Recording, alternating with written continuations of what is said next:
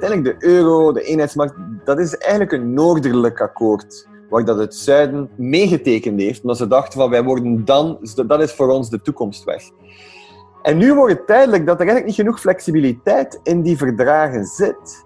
En moet men nu dus, zoals we gezien hebben de verleden week, moet men een soort van solidariteitsmechanisme beginnen bouwen, dat eigenlijk het noorden, zonder het echt te zeggen, en daar komt natuurlijk de, eh, de, de oppositie van, van Rutte en anderen in, eigenlijk er een soort van solidariteitstransfer komt van het noorden naar het zuiden, om dat project gaande te houden. Want anders wordt het heel moeilijk om het zuiden van Europa ervan overtuigen dat dit in hun eigen belang is en dat ze er zelf aan te winnen uh, hebben. Merkel in haar laatste jaar als kanselier, dus haar vijftiende jaar als kanselier, heeft eigenlijk, wat de meeste, mijzelf inclusief, nooit hadden verwacht, heeft eigenlijk een soort van 180 graden gedraaid en gezegd van oké, deze crisis heeft solidariteit nodig. We kunnen niet opnieuw goedkope leningen geven aan Italië, aan Spanje, want die hebben al veel te veel schuld. Die schulden zijn niet draaglijk meer in, in de toekomst. Dus wij moeten eigenlijk een soort van mechanisme creëren van solidariteit, waar Europa leent en eigenlijk in een soort van beurzen het herstel in Italië aan te zwengelen om men terug eigenlijk op gang te brengen, eh, de, de, de economische groei daar enzovoort. En daar is Merkel toch een beetje hypocriet geweest, denk ik. Het is een icoon voor het liberalisme in de rest van de wereld. Maar als men ziet, uiteindelijk als het op Orbán aankomt, een lid van de Europese Volkspartij, net zoals haar CDU, dus Fidesz, lang lid van de Europese Volkspartij, daar heeft ze eigenlijk toch altijd haar hoofd weggedraaid uh, van, van wat er, daar gaande is, ook voor politiek gewin uh, in, in, in Europa. Men heeft de Grieken kunnen dwingen om volledig structureel te hervormen om zijn overheidsbestel volledig te snoeien. Maar men kan eigenlijk weinig doen aan Orbán of uh, Kaczynski's regeringen in Polen en Hongarije om daar ook maar een klein beetje te, te, te, te verschuiven.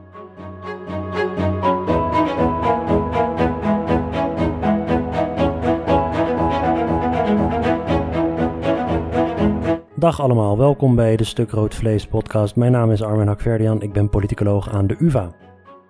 Volg ons via Twitter, het Stuk Rood Vlees. U kunt mij volgen via het Hakverdian of neem een kijkje op www.stukroodvlees.nl. U kunt zich abonneren op deze podcast via allerlei podcast-apps en laat dan ook een rating of een review achter. Afgelopen week bereikten de regeringsleiders van de 27 EU-landen een akkoord over de meerjarenbegroting. Ik spreek hierover met Matthias Matthijs, die is verbonden aan Johns Hopkins University en aan de Council on Foreign Relations. Matthias is gespecialiseerd in internationale politieke economie en Europese integratie. Wat stond er precies allemaal op het spel? Wie waren de hoofdrolspelers en wat is er uiteindelijk beklonken? En wat betekent dit allemaal voor de toekomst van het Europese project? Volgens Matthias kent de nieuwe meerjarenbegroting weliswaar enkele economische innovaties, maar komt het akkoord tegen een enorme politieke prijs. In de vorm van een knieval naar de autoritaire lidstaten Hongarije en iets mindere mate Polen. U kunt Matthias volgen via Twitter, m2matthijs. Ik zal in de show notes linken naar twee recente stukken van zijn hand over Europese integratie. Zijn pleidooi om politiek voor de economie te plaatsen klinkt voor mij in ieder geval als muziek in de oren. Veel plezier met Matthias Matthijs.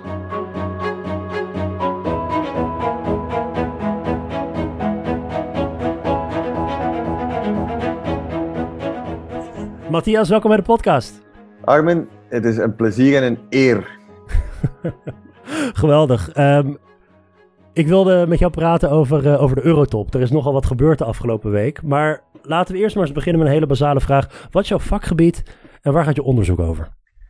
Dus ik ben een, uh, een politiek wetenschapper. Um, iemand die vooral politieke economie studeert. Dus de, de, de relatie tussen markt markten en, en, en staat en overheden. Uh, en ik ben eigenlijk al van jongs af aan geïnteresseerd in, in crisissen. Hoe crisissen worden opgelost, hoe crisissen worden gebruikt, misbruikt door politici om dus bepaalde ideeën uh, door te duwen. En waarom, is crisis, waarom zijn crisissen zo interessant? Omdat alles een beetje in flux is, omdat alles rap beweegt. En ook dat men niet altijd weet uh, wat de juiste oorzaak van de crisis is. Dus elke crisis heeft verschillende oorzaken en velen hebben andere verklaringen, een, andere uitleg wat er is misgegaan en hoe dat moet opgelost worden. En daar komt eigenlijk de politiek zeer uh, vooraan staan binnen, want zij willen dus hun electoraat, het, het, grotere publiek, overtuigen van hun gelijk. En ik ben opgegroeid uh, in België in de jaren tachtig. Dus ik wilde net zeggen, is dat misschien niet iets te maken met je voorliefde voor crisissen? en er was, er was Thatcher en er was uh, Reagan. En dus dat waren eigenlijk grote ideeën, politici, die, die zoals men in het Engels zegt, they made the weather. En ze maakten het weer en ze, ze, ze veranderden eigenlijk hoe dat veel mensen dachten over de economie, over wat de rol van de overheid was in de economie en, en, enzovoort. En dus toen ik mijn doctoraat deed over, over de politieke impact in, in crisissen, uh, dat was rond, dat, dat is afgewerkt rond 2007, 2008. En iedereen zei toen, eigenlijk is dat vooral belangrijk voor de geschiedenis, maar in de toekomst, veel crisissen zullen we niet meer verwachten, economisch, want macro-economisch hebben we eigenlijk de grote vraagstukken opgelost. Dus we weten centrale banken, fiscaal beleid, uiteindelijk zijn er nog weinig grote vraagstukken. Uiteindelijk Lehman Brothers, de eurocrisis, denk ik, heeft mijn carrière een beetje gered. want, want plots ben je expert. Uh, je was weer relevant. En, en, en plots ben je terug relevant. Dus uiteindelijk, eh, daardoor is mijn onderzoek is begonnen met een soort van verklaring uh, of, een, of een onderzoek naar uh, de, de, de, belangrijke scharniermomenten in, in de geschiedenis van het Verenigd Koninkrijk en waarom sommige crisissen tot grote verandering leiden en andere crisissen niet. En het antwoord was eigenlijk het, de, political entrepreneur. Dus het, het, eh, de, bepaalde politici waren enorm sterk in een, in, een, in een, een prangend verhaal naar voren te brengen dat in genoeg kiezers kon overtuigen. En dat heeft mij dan geleid tot de eurocrisis en, en, en dieper, diepere studies in, in Europese integratie. En of dat effectief zo is, dat crisissen in Europa leiden tot verdere integratie. En ik ben daar zelf wat, wat sceptisch over. Ik denk dat het enkel zo is als er een grote overeenkomst is tussen de EU-leiders, de, de, leiders van de lidstaten, dat Europa dan um, vooruit gaat. Crisis kan daar zeker bij helpen, maar het is geen gegeven dat elke crisis sowieso tot meer Europa uh, leidt. Ik denk iets dat we nu opnieuw uh, zullen, zullen debatteren. Ja, het legt, het legt natuurlijk uh, eigenlijk um, hele grote tegenstellingen bloot die misschien onder de oppervlakte sluimerden. Het, is niet, het hoeft niet per se zo te zijn dat al die neuzen dezelfde richting opwijzen. Maar ik wil nog even terugkomen op dat, dat fenomeen van de crisis. Hè? Dus uh, ik proef een beetje in je woorden dat je een, een crisis, een grote, ja, heel vaak hoor je dan bijvoorbeeld external shock. Alsof het bijna gaat over natuurverschijnselen. Maar veel van die crisissen die kunnen zelf ook voorspeld worden door een hoop politieke en economische maatschappelijke factoren. Het is niet zo dat je ineens een crisis hebt en die kwam uit de lucht vallen en dat heeft gevolgen. Ons handelen leidt ook tot crisissen. Dat bespeurde ik een beetje in je, in je woorden, klopt dat? Zeker. En ik denk dat elke groot akkoord heeft altijd um, bepaalde dingen die in het akkoord zitten. Uh, beleidskeuzes, um, bepaalde, of dat het nu of dat men als beleidsmaker gefocust is op werkloosheid of op inflatie of op groei of op uh, zelfbedrijpend zijn, dus zich afsluiten van de rest van de wereld en minder uh, kwetsbaar zijn voor externe schokken. Uh, ik denk dat dat altijd dan de volgende crisis bijna creëert. Dus elk settlement, dus elk groot akkoord, elke nieuwe regering heeft eigenlijk bijna de kiem van de volgende crisis in zijn, uh, in zijn, in zijn akkoord uh, erin. En er zijn effectief externe schokken. Een pandemie is iets dat niet, uh, dat, dat komt plots, bijna als een mhm. natuurverschijnsel. Maar bijvoorbeeld de crisis van de jaren 70, met grote inflatie en, en, en zo, dat, dat zat eigenlijk al ingebakken in, in het beleid van ervoor. En hetzelfde denk ik met de financiële crisis van 2008 en de eurocrisis van 2010, 12, 15. het, het, het design van de euro uh, zat er sowieso aan te komen dat er een crisis zou komen. Het was een kwestie van wanneer? Een kwestie van wanneer. Oké, dus die eurotop. Hè? Uh, er werd al maanden voorgesorteerd op um, nou ja, wat uiteindelijk de, de, kampen wilden. En die lagen heel ver uiteen. Dat, dat was een gevecht dat ook in de media werd gevoerd. En um, er, werden, er werden tegenstellingen gecreëerd tussen Noord en Zuid. En, en Oost en West is daar nu, nu ook een beetje bijgekomen.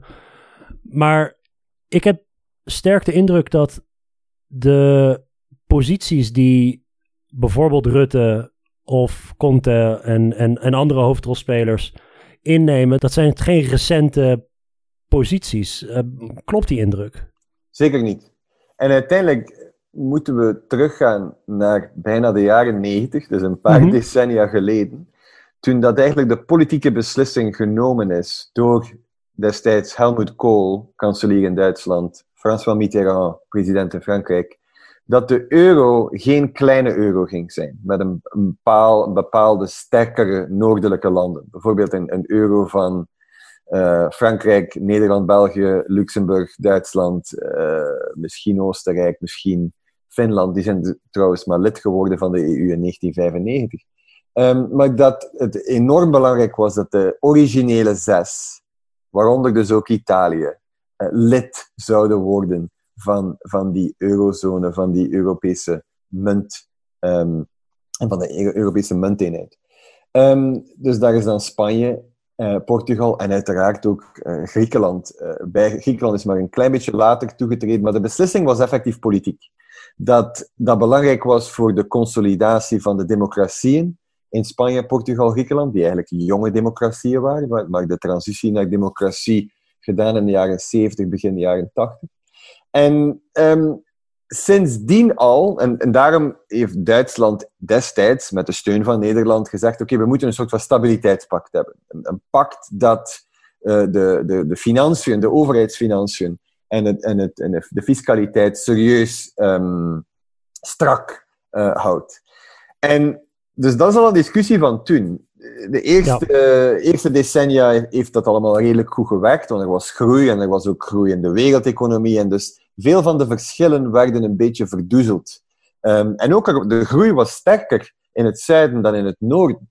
Dus er was een soort van convergentie economisch dat uh, de armere Zuiderse landen in de, de, Mediterrane, uh, de, de Middellandse Zee um, dat die eigenlijk rijker werden en, en, en, en stilletjes aan uh, even welvarend werden als, als het noorden. Natuurlijk, dat is volledig in ommekeer gegaan sinds 2008, 2010 met de, met de eurocrisis. En dus dezelfde debatten van noordelijke heiligen en zuidelijke zondaars of, of, of de zuin, het zuinige noorden en het, uh, het, het, het spendthrift uh, um, uh, zuiden dat, dat, dat heeft eigenlijk de, de, de debatten over de eurocrisis enorm giftig gemaakt. Want het, het, het creëerde opnieuw een tegenstelling tussen Noord en Zuid. Dat dan ook de culturele verschillen, die er uiteraard zijn, nog, eh, nog sterker eh, heeft gemaakt. Je hebt het over de jaren negentig, hè? maar je had, je had een stuk geschreven voor Foreign, uh, Foreign Affairs. Uh, waarin je een, een terugblik doet op eigenlijk ja, geschiedenis van, van economische, politieke integratie en ook, en ook vooruitblik. Ik zal linken naar dat stuk uh, in de show notes. Maar daarin ga je terug tot de jaren 80 en, en Jacques Delors. Dat eigenlijk het, het project van, van Europese integratie was eigenlijk jarenlang een um, proces van eigenlijk, ja, hoe kunnen we die, die economie als het gaat op, op handel, wat, hoe kunnen we die handel eigenlijk een beetje, een beetje olieën? En gaandeweg is eigenlijk de, die interne markt is, is heilig geworden. Ja. Daarbij zijn ook bepaalde politieke vormen van integratie doorgevoerd. Niet helemaal, maar bijvoorbeeld, jij zegt in dat stuk dat de Brexiteers, uh, een van de argumenten die zij vaak gebruikten van ja, toen wij lid werden, decennia geleden van het Europese project, toen was het een heel ander Europees project als nu. This is not what we signed up for ja, eigenlijk klopt dat ook wel. De, de, Europese Unie is onherkenbaar veranderd in een aantal decennia. Wat is er dan precies gebeurd in de jaren tachtig, wat een beetje het startschot was van dit, van dit hele proces? Ja, ik denk uiteindelijk in de jaren 70 al zat het Europese project in, in het slop. De jaren 70 was een enorm moeilijke um, tien jaar, uh, economisch. Stagflatie, dus hoge prijzen, hoge inflatie, hoge werkloosheid. En dat was eigenlijk een probleem dat moeilijk was op te lossen uh, met, met simpel economisch beleid. Dus men moest toen eigenlijk snoeien in overheidsuitgaven, men moest centrale banken werden onafhankelijk en die werden niet meer gebruikt om de groei aan te zwengelen en, en, en om, om de uh, werkloosheid naar beneden uh, te halen. En toen was het eigenlijk het moment van de, de Thatcher-Reagan-revolutie in economisch beleid, dat men zei, wel, um, werkloosheid is een micro-economisch probleem. Dus dat is een probleem van niet genoeg flexibiliteit. We moeten eigenlijk veel meer uh, toelaten aan bedrijven om to hire and fire, dus om aan te nemen en te ontslaan. En uh, het macrobeleid moest zich eigenlijk volledig focussen op, prijs, op prijzen, op inflatie. En men heeft deel van die neoliberale koers die gevaard werd door Thatcher en Reagan en dan daarna die eigenlijk door Europa, de, het Europese eenheidsproject is overgenomen, was dat men volledig eigenlijk uh, die eenheidsmarkt moest creëren, maar dat wilde ook zeggen dat eigenlijk lidstaten zelf veel minder controle hadden over hun industrieel beleid, over hun fiscaal beleid, over hun monetair beleid, door de wisselkoersen die aan elkaar vastgeklonken werden. En uiteindelijk is de Loor heeft die politieke unie ineengezet door dichtere economische integratie. Maar dat is eigenlijk enorm. Het argument in Foreign Affairs is dat dat, dat, veel verder is gegaan in Europa dan in andere uh, federaties. Bijvoorbeeld de Verenigde Staten. 50 staten. Maar die hebben nog redelijk, elke staat heeft redelijk veel discretie als het op economisch beleid aankomt. Als het op licenties aankomt voor bepaalde jobs, uh, lawyers, uh, psychiaters en, en, en zo. Dus je moet daar eigenlijk voor in de staat, in Illinois, in Florida, in Californië een licentie voor hebben. In Europa is dat niet meer nodig. bijvoorbeeld de, de, de public procurement. Dus als, als men publieke aannemingen doet kan men hier in de Verenigde Staten, in Californië, gerust discrimineren en zeggen, we willen enkel Californische bedrijven. In Europa mag dat niet, want dat is tegen de eenheidsmarkt. Dus er zijn zulke dingen die beslist zijn in de jaren tachtig, toen dat het effectief, iedereen was het daarmee akkoord, dat dat de, de toekomst was van economisch beleid. Maar ze hebben dat in Maastricht en in de Single European Act eigenlijk in een soort van verdrag gegoten dat enorm moeilijk te veranderen is. Want het moet altijd door unanimiteit gebeuren. En dus nu zit men een beetje vast aan die ideeën van de jaren 80, jaren 90. En daar is natuurlijk ook de euro bijgekomen. Een soort van euro die gefocust is op prijsstabiliteit. En we zien nu in 2020 dat die ideeën eigenlijk verouderd zijn. Dat die niet meer voor de economie van vandaag zijn. En het is dus enorm moeilijk om, uh, daar, om, dat, om, dat, te veranderen. En daarbij komt nog eens dat uiteindelijk die ideeën en, en dat verdrag, zeker het verdrag van Maastricht, is goed geweest voor het noorden van Europa. Want die hebben eigenlijk economieën die daar al... Dus uiteindelijk de euro, de eenheidsmarkt, dat is eigenlijk een noordelijk akkoord, waar dat het zuiden meegetekend heeft, omdat ze dachten van wij worden dan... Dat is voor ons de toekomstweg. En nu wordt het duidelijk dat er eigenlijk niet genoeg flexibiliteit in die verdragen zit. En moet men nu dus, zoals we gezien hebben de verleden week, moet men een soort van solidariteitsmechanisme beginnen bouwen, dat eigenlijk het noorden, eh, zonder het echt te zeggen, en daar komt natuurlijk de, eh, de, de oppositie van, van Rutte en anderen in, eigenlijk er een soort van solidariteitstransfer komt van het noorden naar het zuiden, om dat project gaande te houden. Want anders wordt het heel moeilijk om het zuiden van Europa ervan overtuigen dat dit in hun eigen belang is. En dat ze er zelf aan, aan, aan te winnen uh, hebben. Maar op welke manier is de, uh, bijvoorbeeld komt de euro en de interne markt ten goede aan de noordelijke staten tegenover de zuidelijke staten? Dus de euro voor de noordelijke staten is eigenlijk een, een, een zwakkere wisselkoers vis-à-vis de dollar, vis-à-vis de yen, vis-à-vis de uh, Britse pond dan de gulden of de, de Duitse markt. En de noordelijke economieën, hun groeimodel is eigenlijk gebaseerd op export, op uitvoer. Mhm. En als je munt zwakker is, kan je hem veel meer uitvoeren. Zeker naar China, naar, naar, naar, naar groeilanden die een andere munt hebben. Voor het zuiden is eigenlijk de euro een beetje te sterk, de wisselkoers vis-à-vis de dollar. Want zij hebben een geschiedenis van zwakkere munten. Dat is punt nummer één. Punt nummer twee is dat eigenlijk het groeimodel in het zuiden van Europa vooral gebaseerd is op vraag, niet op aanbod. Dus ehm, als de vraag gecreëerd wordt intern in Italië, in Spanje, door um, de overheid of door de privésector of door consumptie, dan is er groei geweest. En de vraag was enorm sterk in begin de jaren 2000. En daardoor heeft het zuiden van Europa het ook heel goed gedaan voor de crisis. Maar als men nu zegt, men mag de vraag niet meer aanzwengelen, want dat leidt tot deficieten en tot tekorten op de, op de fiscaliteit, en op, de, op het budget, op het overheidsbudget, dat moet eigenlijk ingekort worden en naar nul gebracht worden, want de schuld moet afgebouwd worden. Dat wil eigenlijk zeggen dat die Zuiderse landen, die gewoon zijn van de, de vraag aan te zwengelen door budgetair beleid, men dat niet meer kan doen. En dat men nu ziet dat Italië eigenlijk vandaag armer is in 2020 dan in 1999, toen de euro is ingevoerd. En dus, men moet geen politicoloog zijn om in te zien dat iemand zoals Matteo Salvini, uh, de, de Vijf Sterrenbeweging, uh, dus, dus populistische politici zeggen van de euro is slecht geweest voor ons. Wij waren beter af uit de euro en we willen ofwel een andere euro of we willen gewoon weg uh, uit, uit die euro. Maar het is toch wel interessant dat je daarin. Je, je, belandt niet zomaar in zo'n situatie.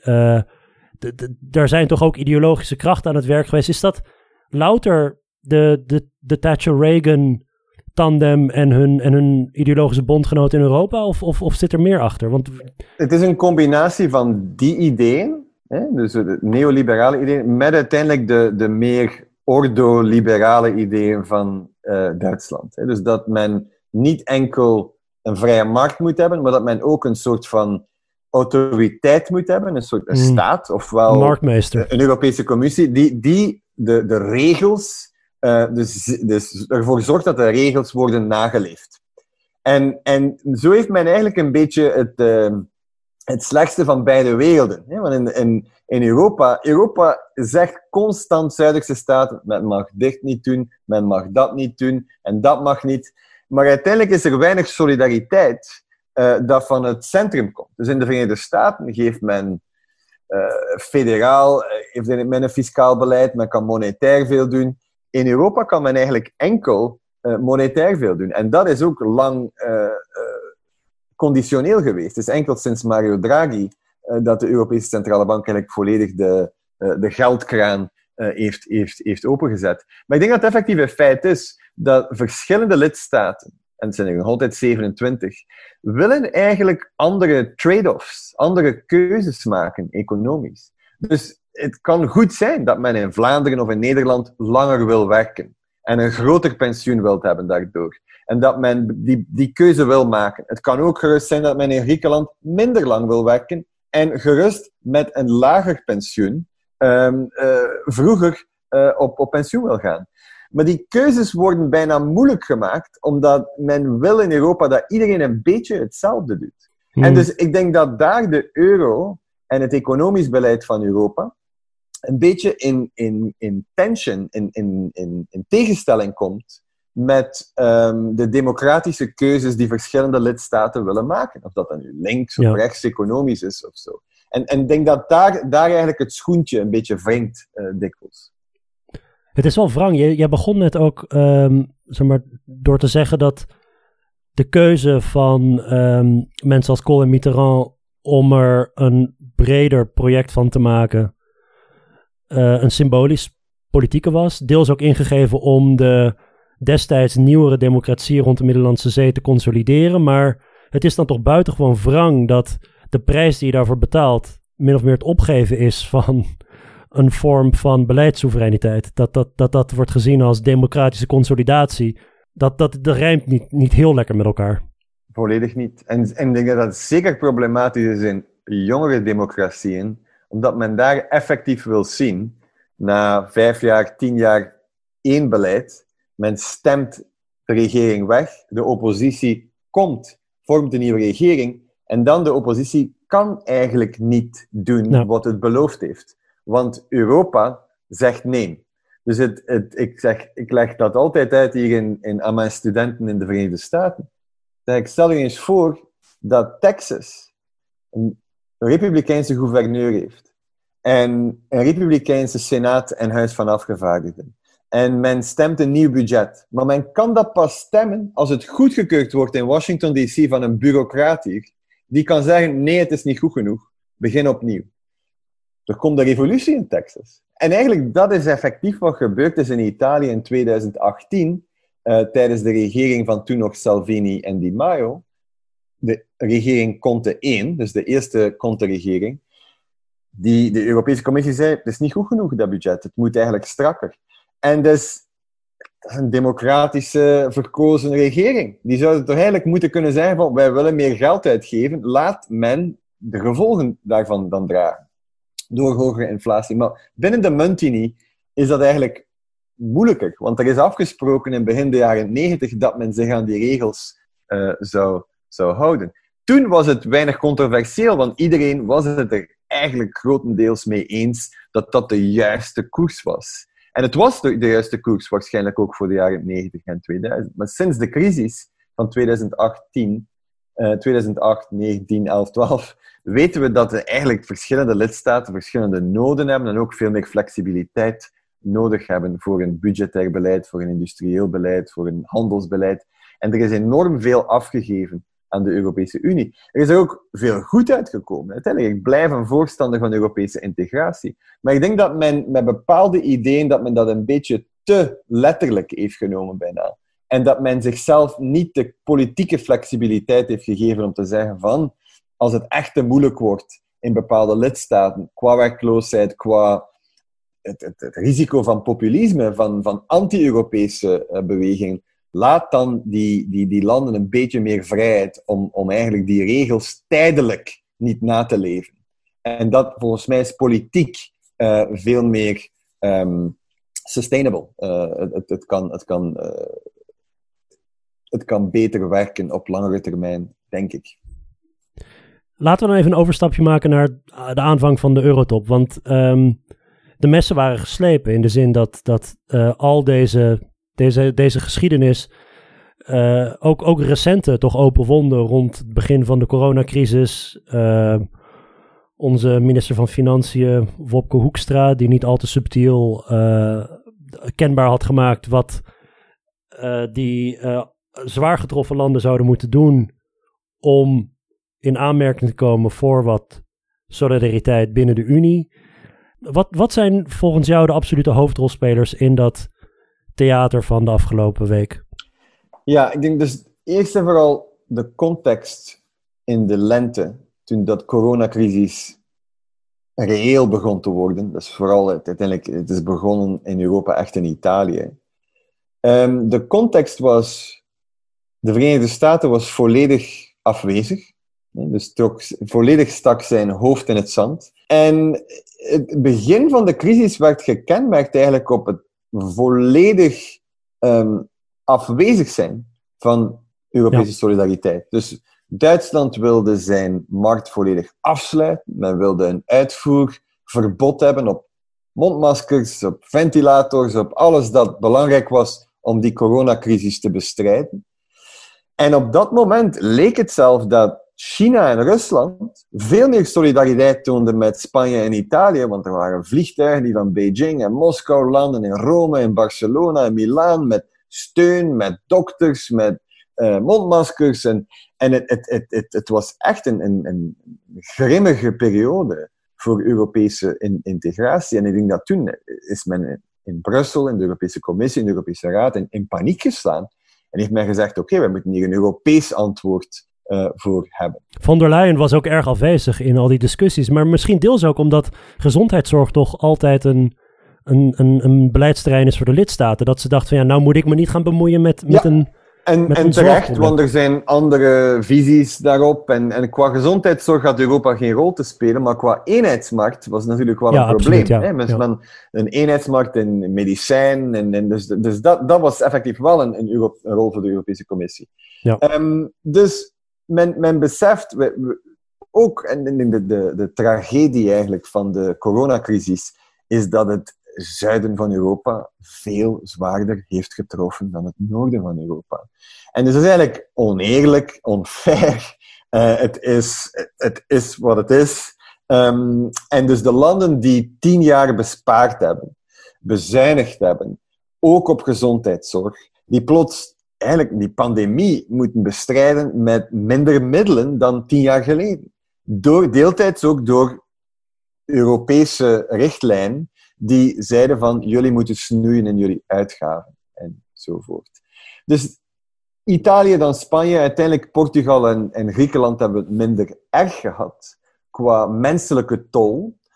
Maar natuurlijk, zij zijn enorm afhankelijk van toerisme voor de zomer. Dus sowieso, die coronacrisis ging altijd het zuiden van Europa veel zwaarder treffen economisch dan, dan het noorden van Europa. Dus dat is eigenlijk al de, de, de context. Dus ik ben even Conte in, in Italië, die uiteindelijk de leider is van een, van een, een centrum-linkse regering die niet echt goed werkt. Ehm, en hij is ook een soort van technocraat die niet echt een politicus is, die, die geen politiek mandaat heeft. En dan heeft men eigenlijk een redelijk zwakke regering, ook een centrum-linkse regering in Spanje, uh, geleid door Sanchez. En dus er is een beetje een links-rechts tegenstelling ook, want dan heb je Merkel, centrumrechts, Rutte, centrumrechts. Uiteindelijk Macron, laten we uh, daar een centrum, hè, maar een neiging naar centrumrechts. Um, trouwens ook België, eh, een redelijk centrumrechtse uh, regering van lopende zaken op dit moment.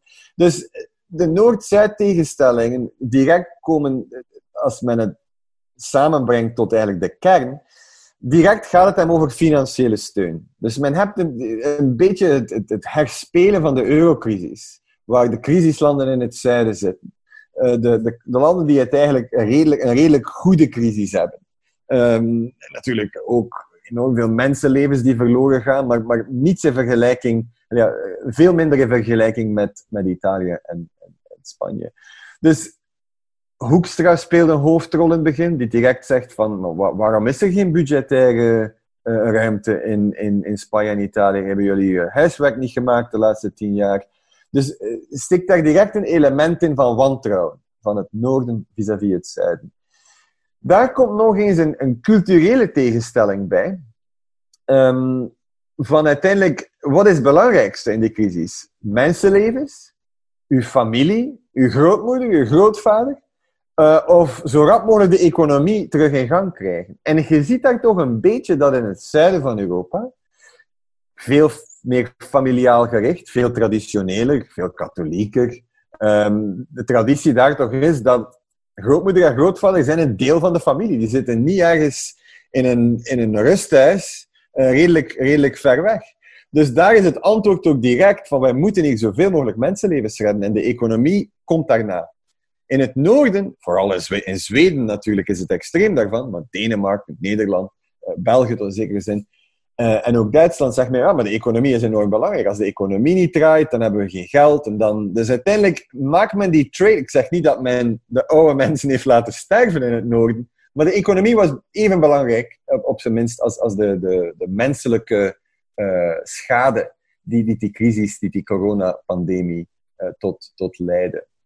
En Uiteindelijk is de, de, de sleutelfiguur hier Angela Merkel geweest. Want iedereen dacht, Duitsland heeft ook een redelijk goede crisis. Uiteindelijk, ik denk dat men nog altijd niet aan 10.000 doden zit voor een land van 80 miljoen mensen. Dus eigenlijk even, evenveel doden als in België, dat 1 achtste is uh, van, van, van de Duitse bevolking.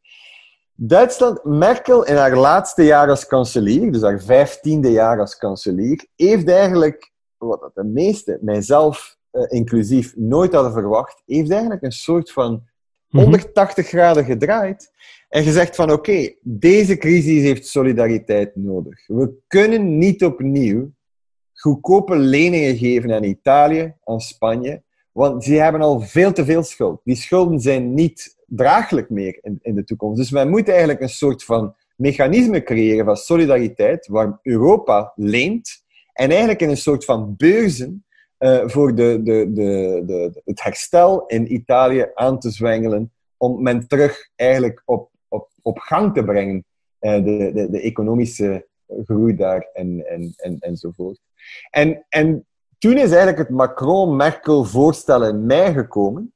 En dat was niet enkel belangrijk voor dat herstelplan, de 500 miljard euro die men voorstelde aan euro-obligaties die de commissie zou uitgeven en die dan als beurzen, zoals men in Nederland zegt, giften, uh, zouden gegeven worden aan, um, aan, aan vooral Italië en Spanje. Dus de landen die het, het zwaarst uh, getroffen zijn. Dus dat is eigenlijk een soort van Rubicon die overgestoken is door Merkel. Want dit is de Europese Commissie kan al lenen, de Europese instellingen kunnen lenen, het ESM en, enzovoort. Dus dat is niet nieuw, maar de schaal is ongelooflijk groot. En het, dat is de eerste innovatie. Dus men gaat dus lenen als de EU, met elke lidstaat die er zijn volledige uh, economische macht achterzet. En ten tweede, het zijn geen goedkope leningen. Het zijn eigenlijk beurzen, het geld dat niet moet worden terugbetaald, dat men wil eigenlijk geven aan, aan, aan het zuiden van Europa. Maar uiteindelijk, Italië krimpt dit jaar, waarschijnlijk met 10% van het bruto nationaal product. Ze hebben een tekort op een budget van een, nog eens 10%. De schuldgraad een jaar geleden was 135%. Nu wordt dat 160, 165, automatisch al. Dus als men dan nog eens daar zoveel schulden van Europa gaat bijzetten, dan komt men aan 200% Dat is niet meer houdbaar. En dan op een bepaald moment zeggen, de, dat kan de Europese Centrale Bank niet blijven opkopen. Voor jaar na jaar na jaar. En op een bepaald moment zeggen de financiële markten dan, oké, we, we, willen een hogere interesse op Italiaans staatspapier. En dan komt er een nieuwe eurocrisis dat tien keer zo groot is als Griekenland. En, en dan, dan, dan spreken we echt over het einde van Europa. Of, of het einde van de euro. Het lijkt erop dat, dat je dus de tandem um, Conte-Sanchez had. Aan de andere kant Rutte met een aantal companen. Uh, lijnrecht tegenover elkaar. En Merkel die heeft uiteindelijk toch gekozen voor een compromis waar beide kampen zich in hebben kunnen vinden. De vraag is een beetje, misschien is dit psychologie van de koude grond hoor. Waarom zij nou uiteindelijk dit heeft gedaan. Is het, dus ik, ik zie tenminste twee mogelijke verklaringen uh, om het Europese project te redden.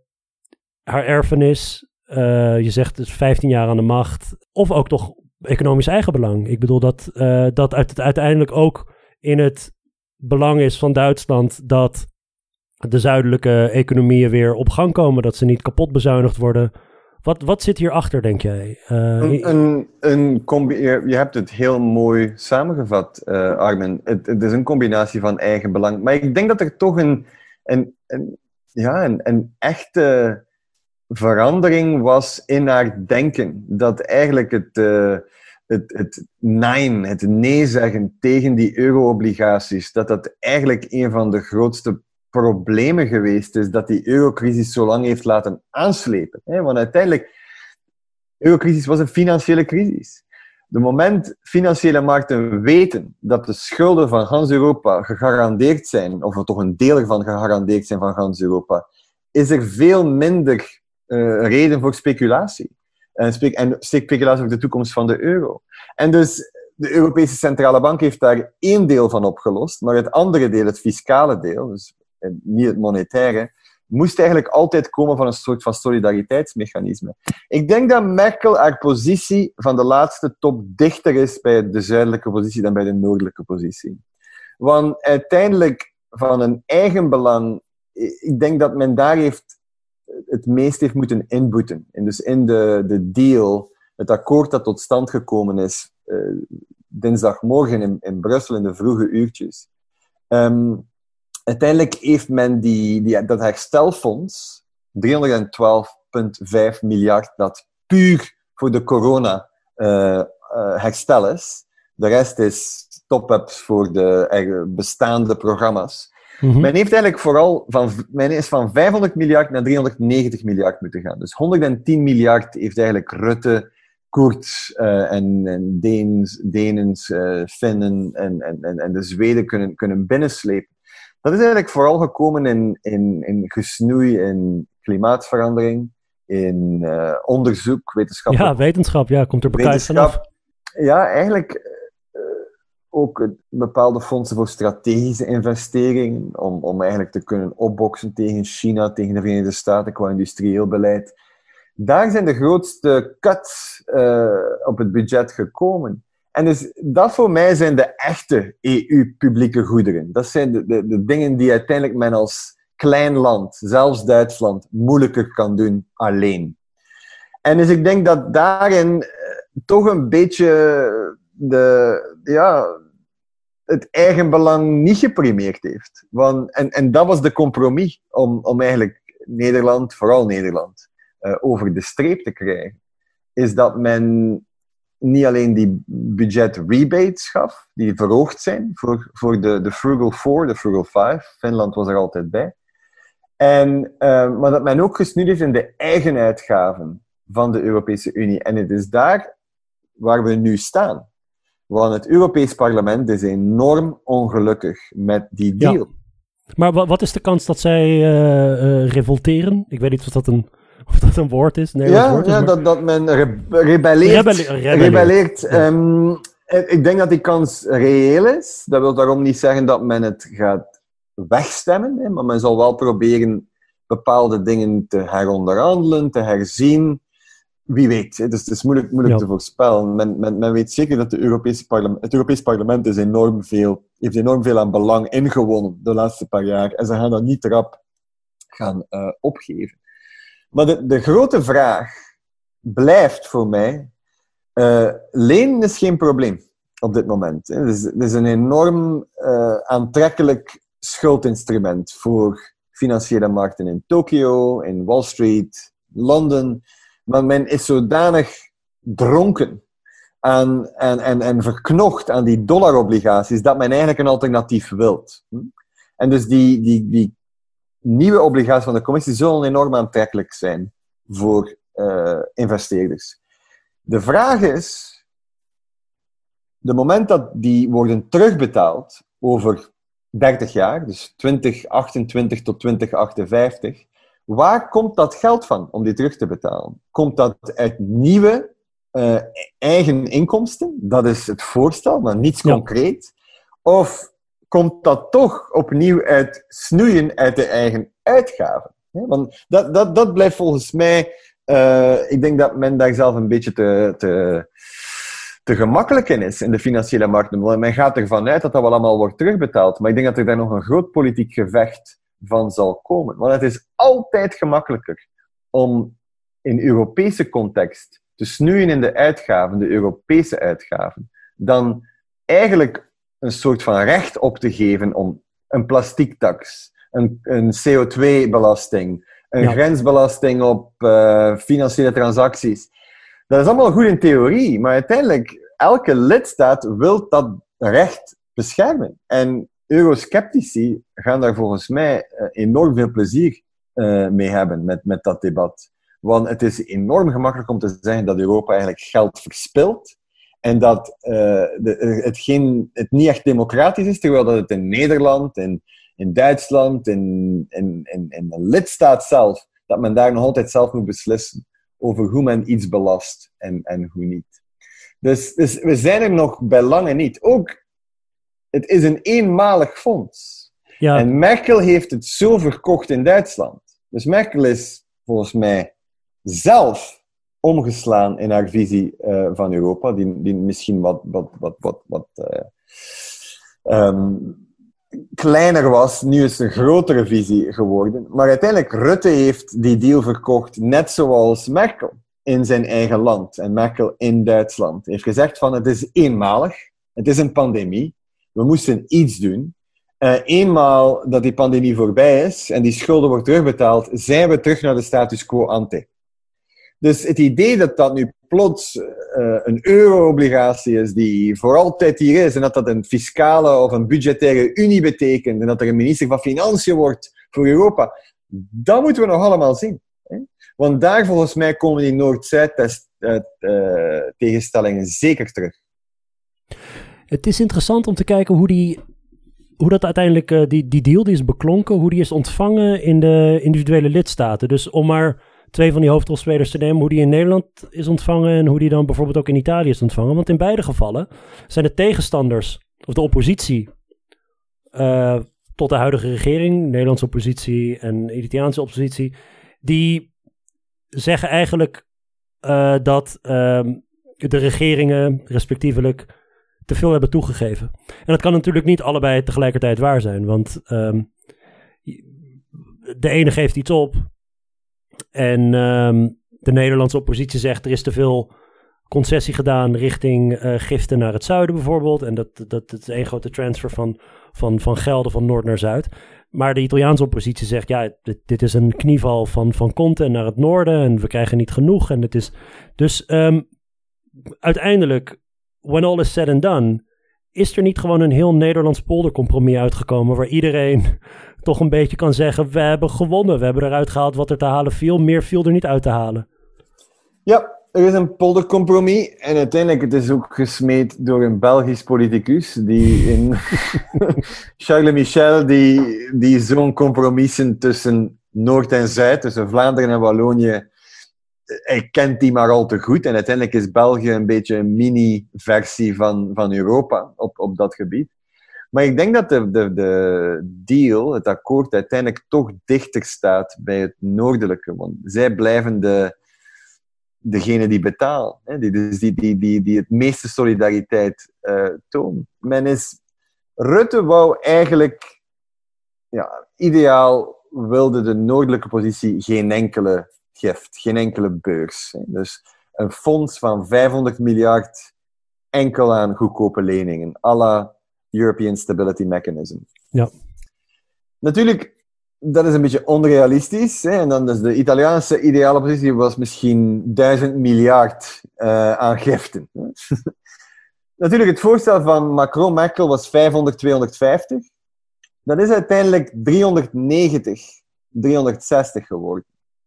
En Rutte is begonnen met 350. Dat was het maximum dat hij wilde. Dus 50-50. 50 beurzen, 50% uh, leningen. Uiteindelijk heeft hij 40 miljard hoger gegaan.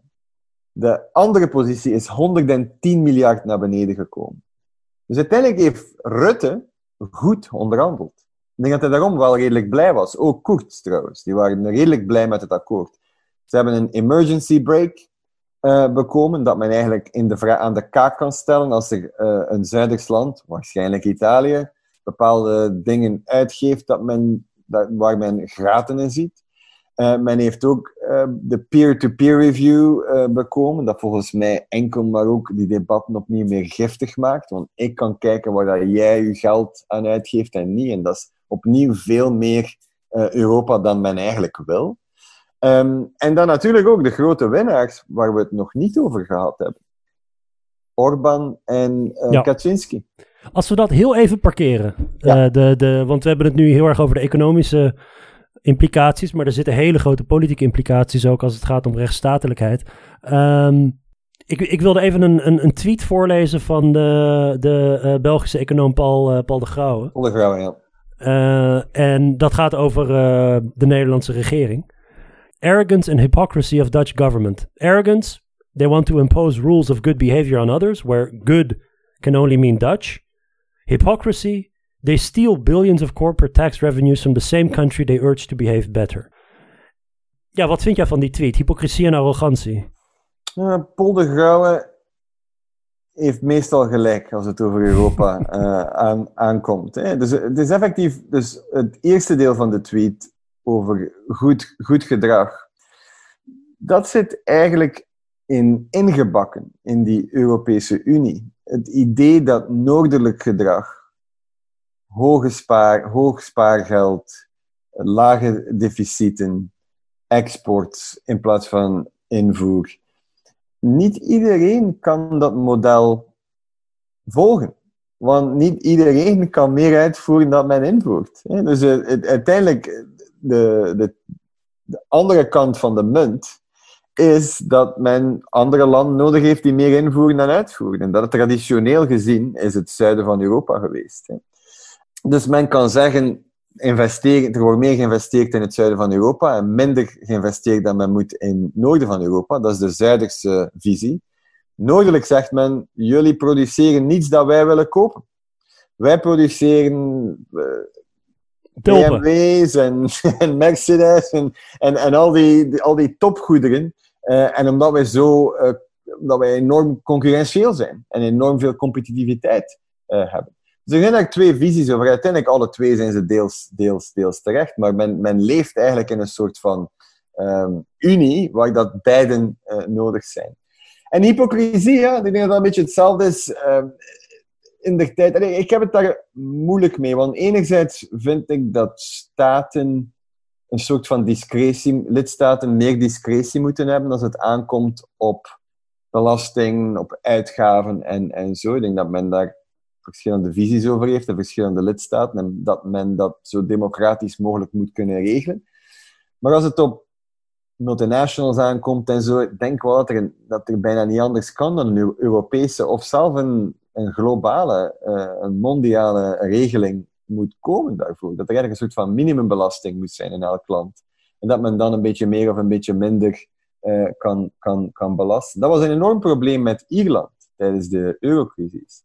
En toen heeft Frankrijk en Duitsland eigenlijk bijna gezegd van ja, we zullen ook eens moeten kijken naar jullie bedrijfstaks van 12,5 procent. In vergelijking met 30, 35 procent in sommige uh, andere lidstaten. Maar het is, het is zeker een feit. Um, uiteindelijk, de, de Nederlandse staat uh, is, is, doet het redelijk goed qua schulden. Maar de Nederlander zelf heeft enorm veel schulden. Het is een beetje het omgekeerde van in België, waar dat eigenlijk de, de Belg enorm veel spaargeld heeft en weinig schulden, maar de staat uh, een berg van schulden heeft. Dus ja. het, het, het, om te zeggen dat de staat en het, het gedrag van de staatsfinanciën direct ook de cultuur van het land uitstraalt, ik denk dat dat een beetje uh, verkeerd is. Er zijn daar enorm veel uh, historische um, legacies in en, en, en, en zo dat daarin in blijven. Maar het is wel een feit. Ik denk dat die stok zeker is gebruikt van Macron en van Merkel. Van oké, okay, dat eigenlijk het noorden, zeker Nederland, bijna moest akkoord gaan met een bepaald akkoord. Omdat men nog altijd die stok had van we zullen een keer een serieuze discussie hebben over bedrijfsbelastingen van uh, multinationals. Dus even tot slot, hè, als we zouden willen samenvatten dat um, als het gaat om die economische akkoorden die zijn beklonken. Uh, het lijkt erop dat, dat een aantal innovaties zijn doorgevoerd waar toch men de lessen van tien jaar geleden heeft heeft geleerd. Is dat, is dat eerlijk om dat zo te zeggen? Ja, ik denk dat het belangrijkste is dat de trojka, dus de, de geschiedenis van de trojka en de eurocrisis, was eigenlijk een soort van entiteit die leende op financiële markten en die dan redelijk punitieve maatregelen gaf aan die landen uh, qua bezuinigen, qua structurele hervormingen, die uiteindelijk de, de toestand, de economische toestand, nog erger maakten op korte termijn in de ijdele hoop dat binnen een paar jaar uh, die economieën er meer zouden uitzien als Duitsland bijvoorbeeld. Dus dat, dat, die les heeft mij geleerd. En ten tweede ook dat men, men afgestapt is van lening. Dus de men heeft hmm. gezegd, oké, jullie zitten in, in een budgettaire put.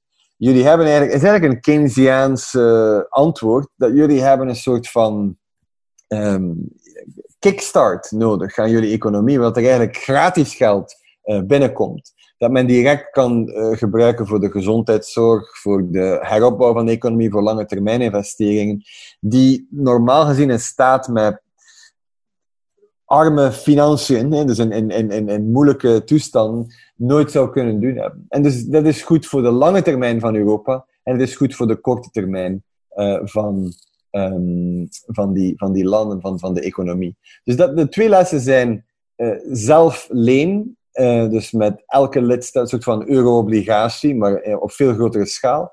En ten tweede dat men uh, veel meer beurzen geeft in plaats van lenen. Ja. ja, en daarbij is dus de vraag van hoe, hoe dat uiteindelijk eventueel betaald gaat worden uit zelf... Um, eigen middelen. eigen middelen, ja, of, ja. of, of dat, dat, dat zal de tijd uitwijzen. We proberen het in ieder geval wel met, met een aantal van die taxen, had ik, het, uh, had ja. ik de indruk. Dat, dat sommige mensen zien dat als een soort gamechanger. Het is in ieder geval iets, iets, iets nieuws, toch? Die, Die uh... taxen, dus ja, dus, het is te vroeg, te vroeg om het gamechanger te noemen, want er is geen akkoord over. Uiteindelijk, mm. vraag eens aan gelijk welke regering in Europa hoe gemakkelijk het is om iets zoals een plastiektaks in te voeren. Of want er zijn altijd winnaars en verliezers, met gelijk welke belasting. Elke nieuwe belasting creëert een redistributie, een herverdeling van winnaars, van verliezers naar, naar winnaars. Dus het is altijd politiek. Gelijk welke nieuwe belasting. En Europese belastingen komt er nog eens een probleem bij, dat eigenlijk lidstaten een toekomstige uh, inkomst afgeven aan Europa, dat ze dus nooit meer zullen, of nog zeer moeilijk zullen kunnen terugkrijgen. Dus dat wordt, en daar moet men unaniem over eens zijn, want het gaat over uh, een soort van wat men core state powers noemt. Dus is dat echt de kern is van elke staat, van de nazistaat. Het, het, het belasten van mensen en het uitgeven, dat dat echt iets is dat men niet gemakkelijk uh, zal, zal afgeven. Maar ik denk ook, uh, de, de, de grootste kost, denk ik, op lange termijn, is politiek. En dat ja. gaat over de rechtsstaat, over Precies. de democratische principes. En ik denk vooral het moment toen dat Angela Merkel beloofde aan Viktor Orban, die dreigde met zijn veto. Die zei van, kijk, onder het Duitse voorzitterschap in 2020 zullen we zien dat artikel 7, de procedure die aan de gang is tegen de inbreuk uh, van, van Hongarije tegen de principes van de rechtsstaat, zoals de mediavrijheid, de scheiding der machten enzovoort. We zullen zien dat dat afgehandeld wordt nog dit jaar onder het Duitse voorzitterschap. En daar is Merkel toch een beetje hypocriet geweest, denk ik. Het is een icoon voor het liberalisme in de rest van de wereld. Maar als men ziet, uiteindelijk als het op Orbán aankomt, een lid van de Europese Volkspartij, net zoals haar CDU, dus Fidesz, lang lid van de Europese Volkspartij, daar heeft ze eigenlijk toch altijd haar hoofd weggedraaid uh, van, van wat er, daar gaande is. Ook voor politiek gewin, uh, in, in, in Europa. En nu met Polen, met de herverkiezing van Duda, zitten we eigenlijk met twee lidstaten die niet echt geloven in een soort van liberaal democratisch bestel. En dat wordt volgens mij het, het grote, het gevecht voor de ziel van Europa gaat daarover. Met geld, met geld kan men veel oplossen economisch.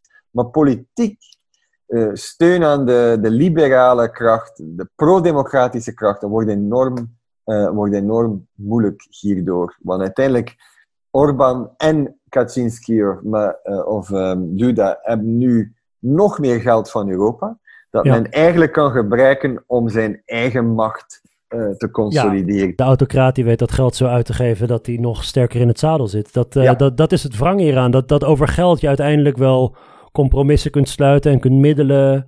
Wanneer het gaat om iets als de democratische rechtsstaat, kan dat eigenlijk niet. Ik bedoel, dit, er, is, er zijn hier niet twee winnaars. Nee. Um, hier, zijn er, hier zijn er enkel dus, verliezers. Het Hongaarse ja. volk, het Poolse volk en de Europese Unie als model uh, liberaal de democratie. En uw, uw punt dat het eigenlijk...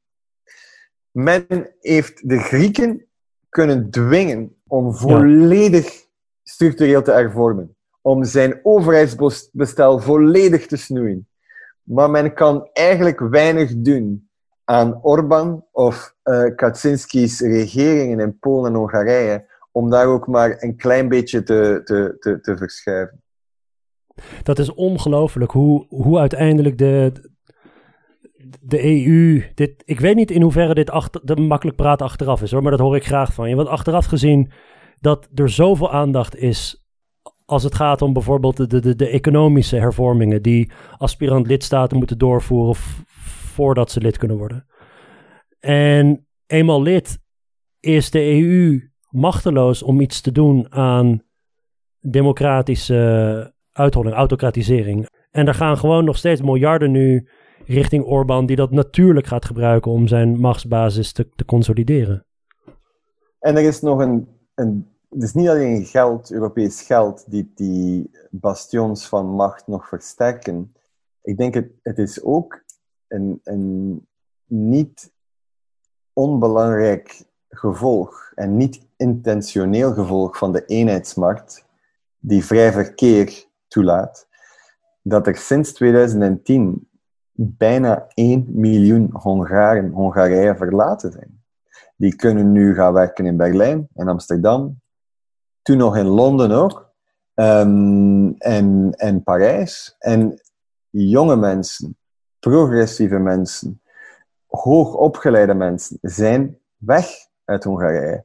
En dat is eigenlijk de natuurlijke oppositie tegen iemand zoals Orbán. Dus Dat zijn degenen die voor de media schrijven, rapport, reporters. Um, en die, zijn, die, wonen, die hebben nu hun huis gemaakt in Duitsland, in Engeland, in Frankrijk, in Nederland, Oostenrijk. En die stemmen niet meer. Die sturen af en toe een beetje geld naar hun ouders, die daardoor eigenlijk minder problemen hebben. Dus het, het heeft eigenlijk een, een, een, een niet, niet intentioneel tegeneffect. En het heeft Orbán nog verder geholpen. Want uiteindelijk, nu heeft hij minder oppositie thuis. Want veel jonge mensen hebben opgegeven, hebben de hoop opgegeven. Het is minder het geval in Polen. Ik ben optimistischer over Polen, want er is daar een, een veel jongere bevolking en ook een veel meer actieve um, civil society dan in Hongarije. Hongarije, en ik denk dat dat echt een, een beetje in het achterhoofd zit. Zeker toen Macron zijn veto initieel uitsprak tegen de uitbreiding van de Europese Unie naar Albanië en Noord-Macedonië, dat men daar eigenlijk kleine, kleine Orbans creëert. Uh, want die bevolkingen zijn enorm klein. Er is daar al een beetje of een brain drain geweest naar het westen. En als men dan die lid maakt, dat het dan eigenlijk nog veel erger wordt. En men heeft, er dan een oudere bevolking die eigenlijk stemt voor conservatieve leiders die terug naar vroeger zeggen van we hebben een, iemand die meer autoritair is en die ook dikwijls anti-vreemdeling is, anti-vluchteling. En, en dat, dat zien we dus effectief. Volgens mij is dat eigenlijk de, de belangrijkere uh, tendens binnen Europa. En die veel moeilijker op te lossen is. Uiteindelijk, een economisch probleem kan men oplossen met een cheque. Uh, met, uh, met, met een lening, met een beurs, met, met nieuw geld. Uh, een politiek probleem is, is veel moeilijker om, om op te lossen. En men heeft, men heeft ook, denk ik, terecht schrik dat als men die landen afsnijdt van bepaalde gelden, dat dat enkel nog het eurosceptische aan, aanzwengelt uh, in die landen. Dus men heeft een beetje van een... Um, men moet een evenwichtsoefening hebben daarin. En het is, het is niet simpel. Maar ik denk, het akkoord dat op tafel ligt nu is zeker teleurstellend. En is een van de redenen waarom het Europees Parlement zo negatief is over dit akkoord.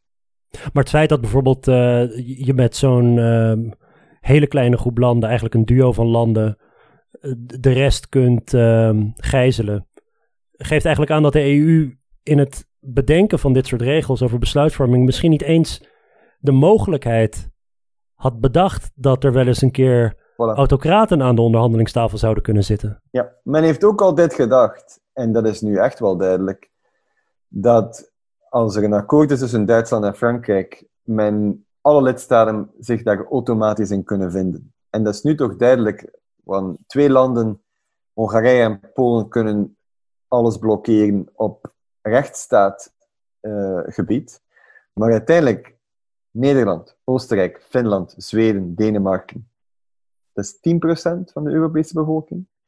10% van bruto nationaal, misschien een beetje meer van bruto nationaal, van bruto nationaal product van de Europese Unie. Maar uiteindelijk heeft men toch ook die onderhandelingen voor vier dagen kunnen gijzelen. Want um, Orbán was het probleem niet bij, de, bij het akkoord.